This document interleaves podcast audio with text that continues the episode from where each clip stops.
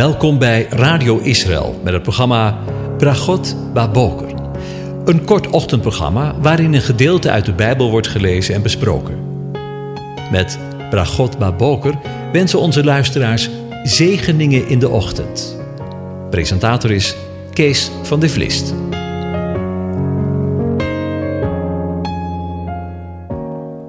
Goedemorgen, Bokatov, beste luisteraars. Morgen gaan we voor de zesde keer met elkaar nadenken over Psalm 122. En ik lees het hele gedeelte aan je voor. Een pelgrimslied van de geliefde. Ik ben blij wanneer ze tegen me zeggen: Wij zullen naar het huis van de Heere gaan. Onze voeten staan binnen uw poorten, Jeruzalem. Jeruzalem is gebouwd als een stad die hecht samengevoegd is. Daarheen trekken de stammen op, de stammen van de Heere, naar de ark van de getuigenis van Israël. Waarom? Om de naam van de Heere te loven. Want daar staan de zetels van het recht, de zetels van het huis van de geliefde. Bid om shalom voor Israël, voor Jeruzalem. Laat het goed gaan met hen die u liefhebben. Laat shalom binnen uw vestingwal zijn. Rust in uw burchten. Omwille van mijn broeders en mijn vrienden spreek ik nu. Shalom zij in u. Omwille van het huis van de Heere onze God zal ik het goede voor u zoeken. En in de Hebreeuwse Bijbel lezen we de versen 8 en 9 zo. Ter wille van mijn broeders en vrienden zeg ik nu, shalom zij in u. Ter wille van het huis van Adonai, onze God, zal ik uw welzijn zoeken. Tot zover. Over vriendschap gesproken. Ook in deze laatste verse van de psalm zien we het thema van vriendschap, broederschap en kameraadschap herhaald. Zoals het begon in vers 6. Jeruzalem heeft een metgezel, samengevoegd met zichzelf. Dit is de weg naar vrede en eenheid, rust, welzijn en fysiek samen zijn. Dit aspect is ook in onze dagen van belang.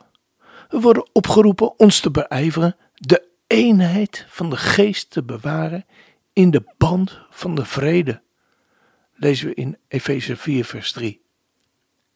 Zo roep ik, de gevangene van, van de, in de Here, u op tot een wandel die de roeping waarmee u geroepen bent waardig is, in alle nederigheid, zachtmoedigheid, met geduld, door elkaar in liefde te verdragen en u te beijveren om de eenheid van de geest te bewaren door de band van de vrede.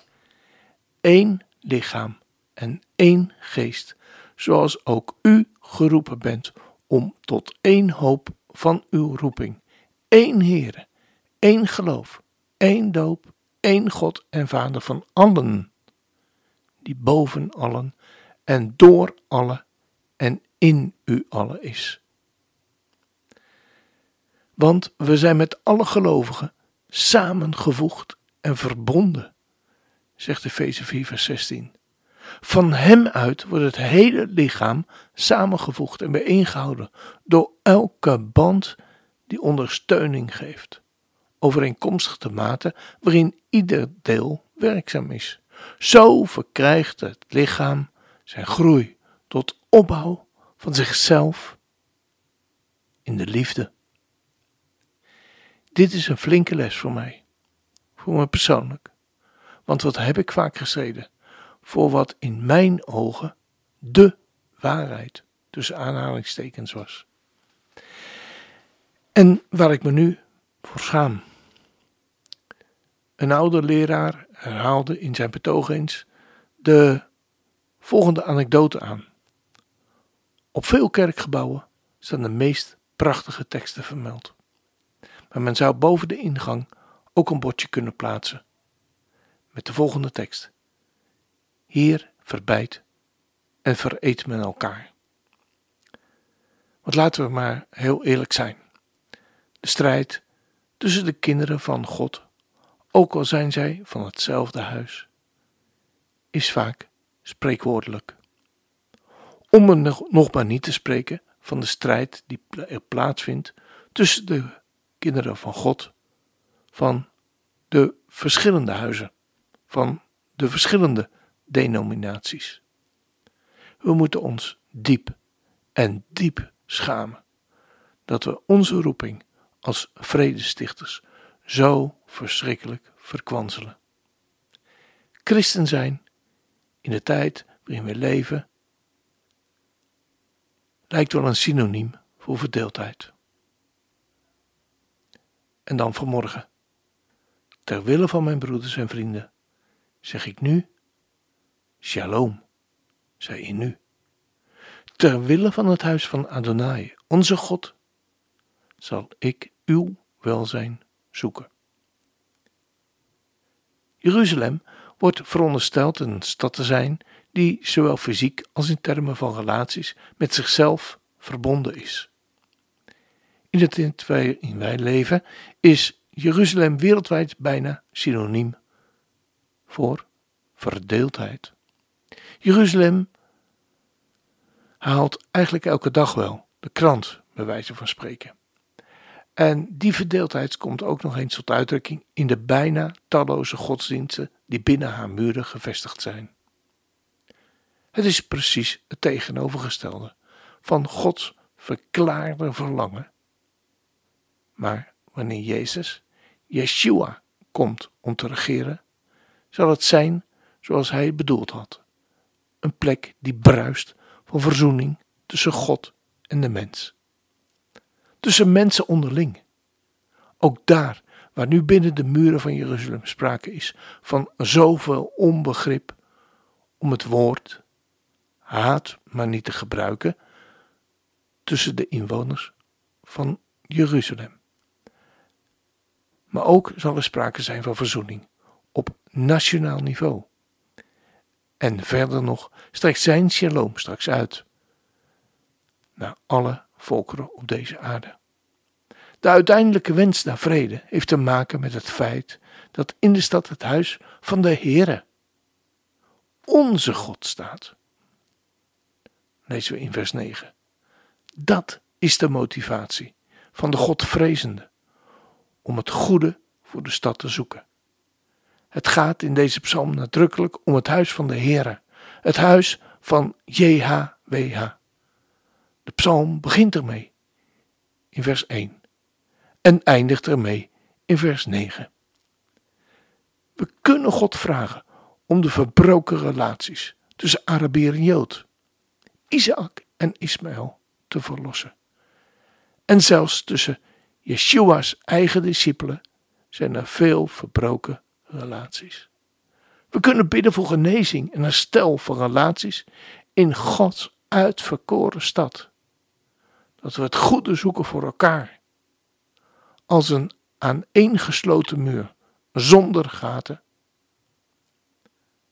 Hoewel de vijand overuren maakt om het tegenovergestelde van shalom in Jeruzalem, in de kerken, in ons eigen leven te brengen. Kunnen we bidden dat de schoonheid van Gods koninkrijksheerschappij naar beneden komt en de realiteit hier op aarde ontmoet. Net zoals Yeshua ons leerde bidden. Daarom, zegt Yeshua, bid op deze manier. Uw koninkrijk komen uw wil geschieden, zoals in de hemel, zo ook op de aarde. Zo moet het ook ons om ons gaan, om de Heer Jezus. Waar Hij wordt verheerlijkt en aanbeden, daar is ook onze plaats. Wij weten uit het Nieuwe of Tweede Testament dat wij zijn genaderd tot de geestelijke berg Sion. Dit naderen geeft een sfeer waarin wij binnengaan.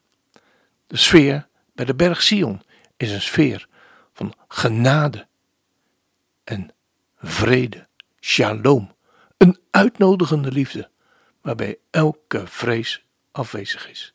Volgens Johannes 1, vers 4. Volgens 1 Johannes 4, vers 18. Er is in liefde geen vrees, Maar de volmaakte liefde drijft de vrees uit. De vrees houdt immers straf in. En wie vreest, is niet volmaakt in de liefde. Als dat geen zegen is.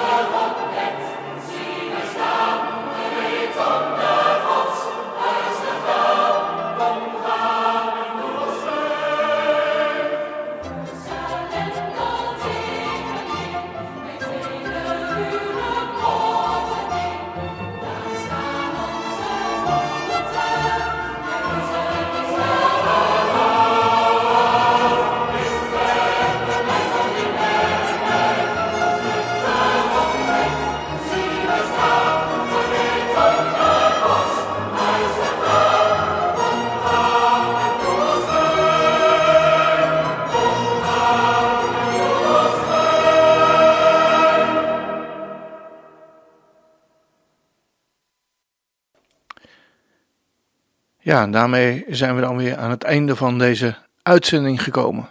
Die prachtige uitvoering van Psalm 122 door uh, het koor Jeegdal Yahoo. Um, laten we maar eens uh, afsluiten met de woorden uit Psalm 122.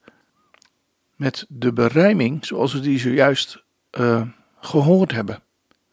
Dat vrede en aangename rust en milde zegen u verblij. Dat welvaart in uw vesting zijn, in uw paleizen vrede en lust. Om vriend en broederen spreek ik nu. De vrede, zij en blijf in u. Nooit moet haar nijd of twist verkloeken. Ons herenhuis in u gebouwd, waar onze God zijn woning houdt. Zal ik het goede zoeken ja, laten we dat ook zoeken voor vandaag. Waar onze God zijn woning bouwt in u, zegt de psalm. Geweldig.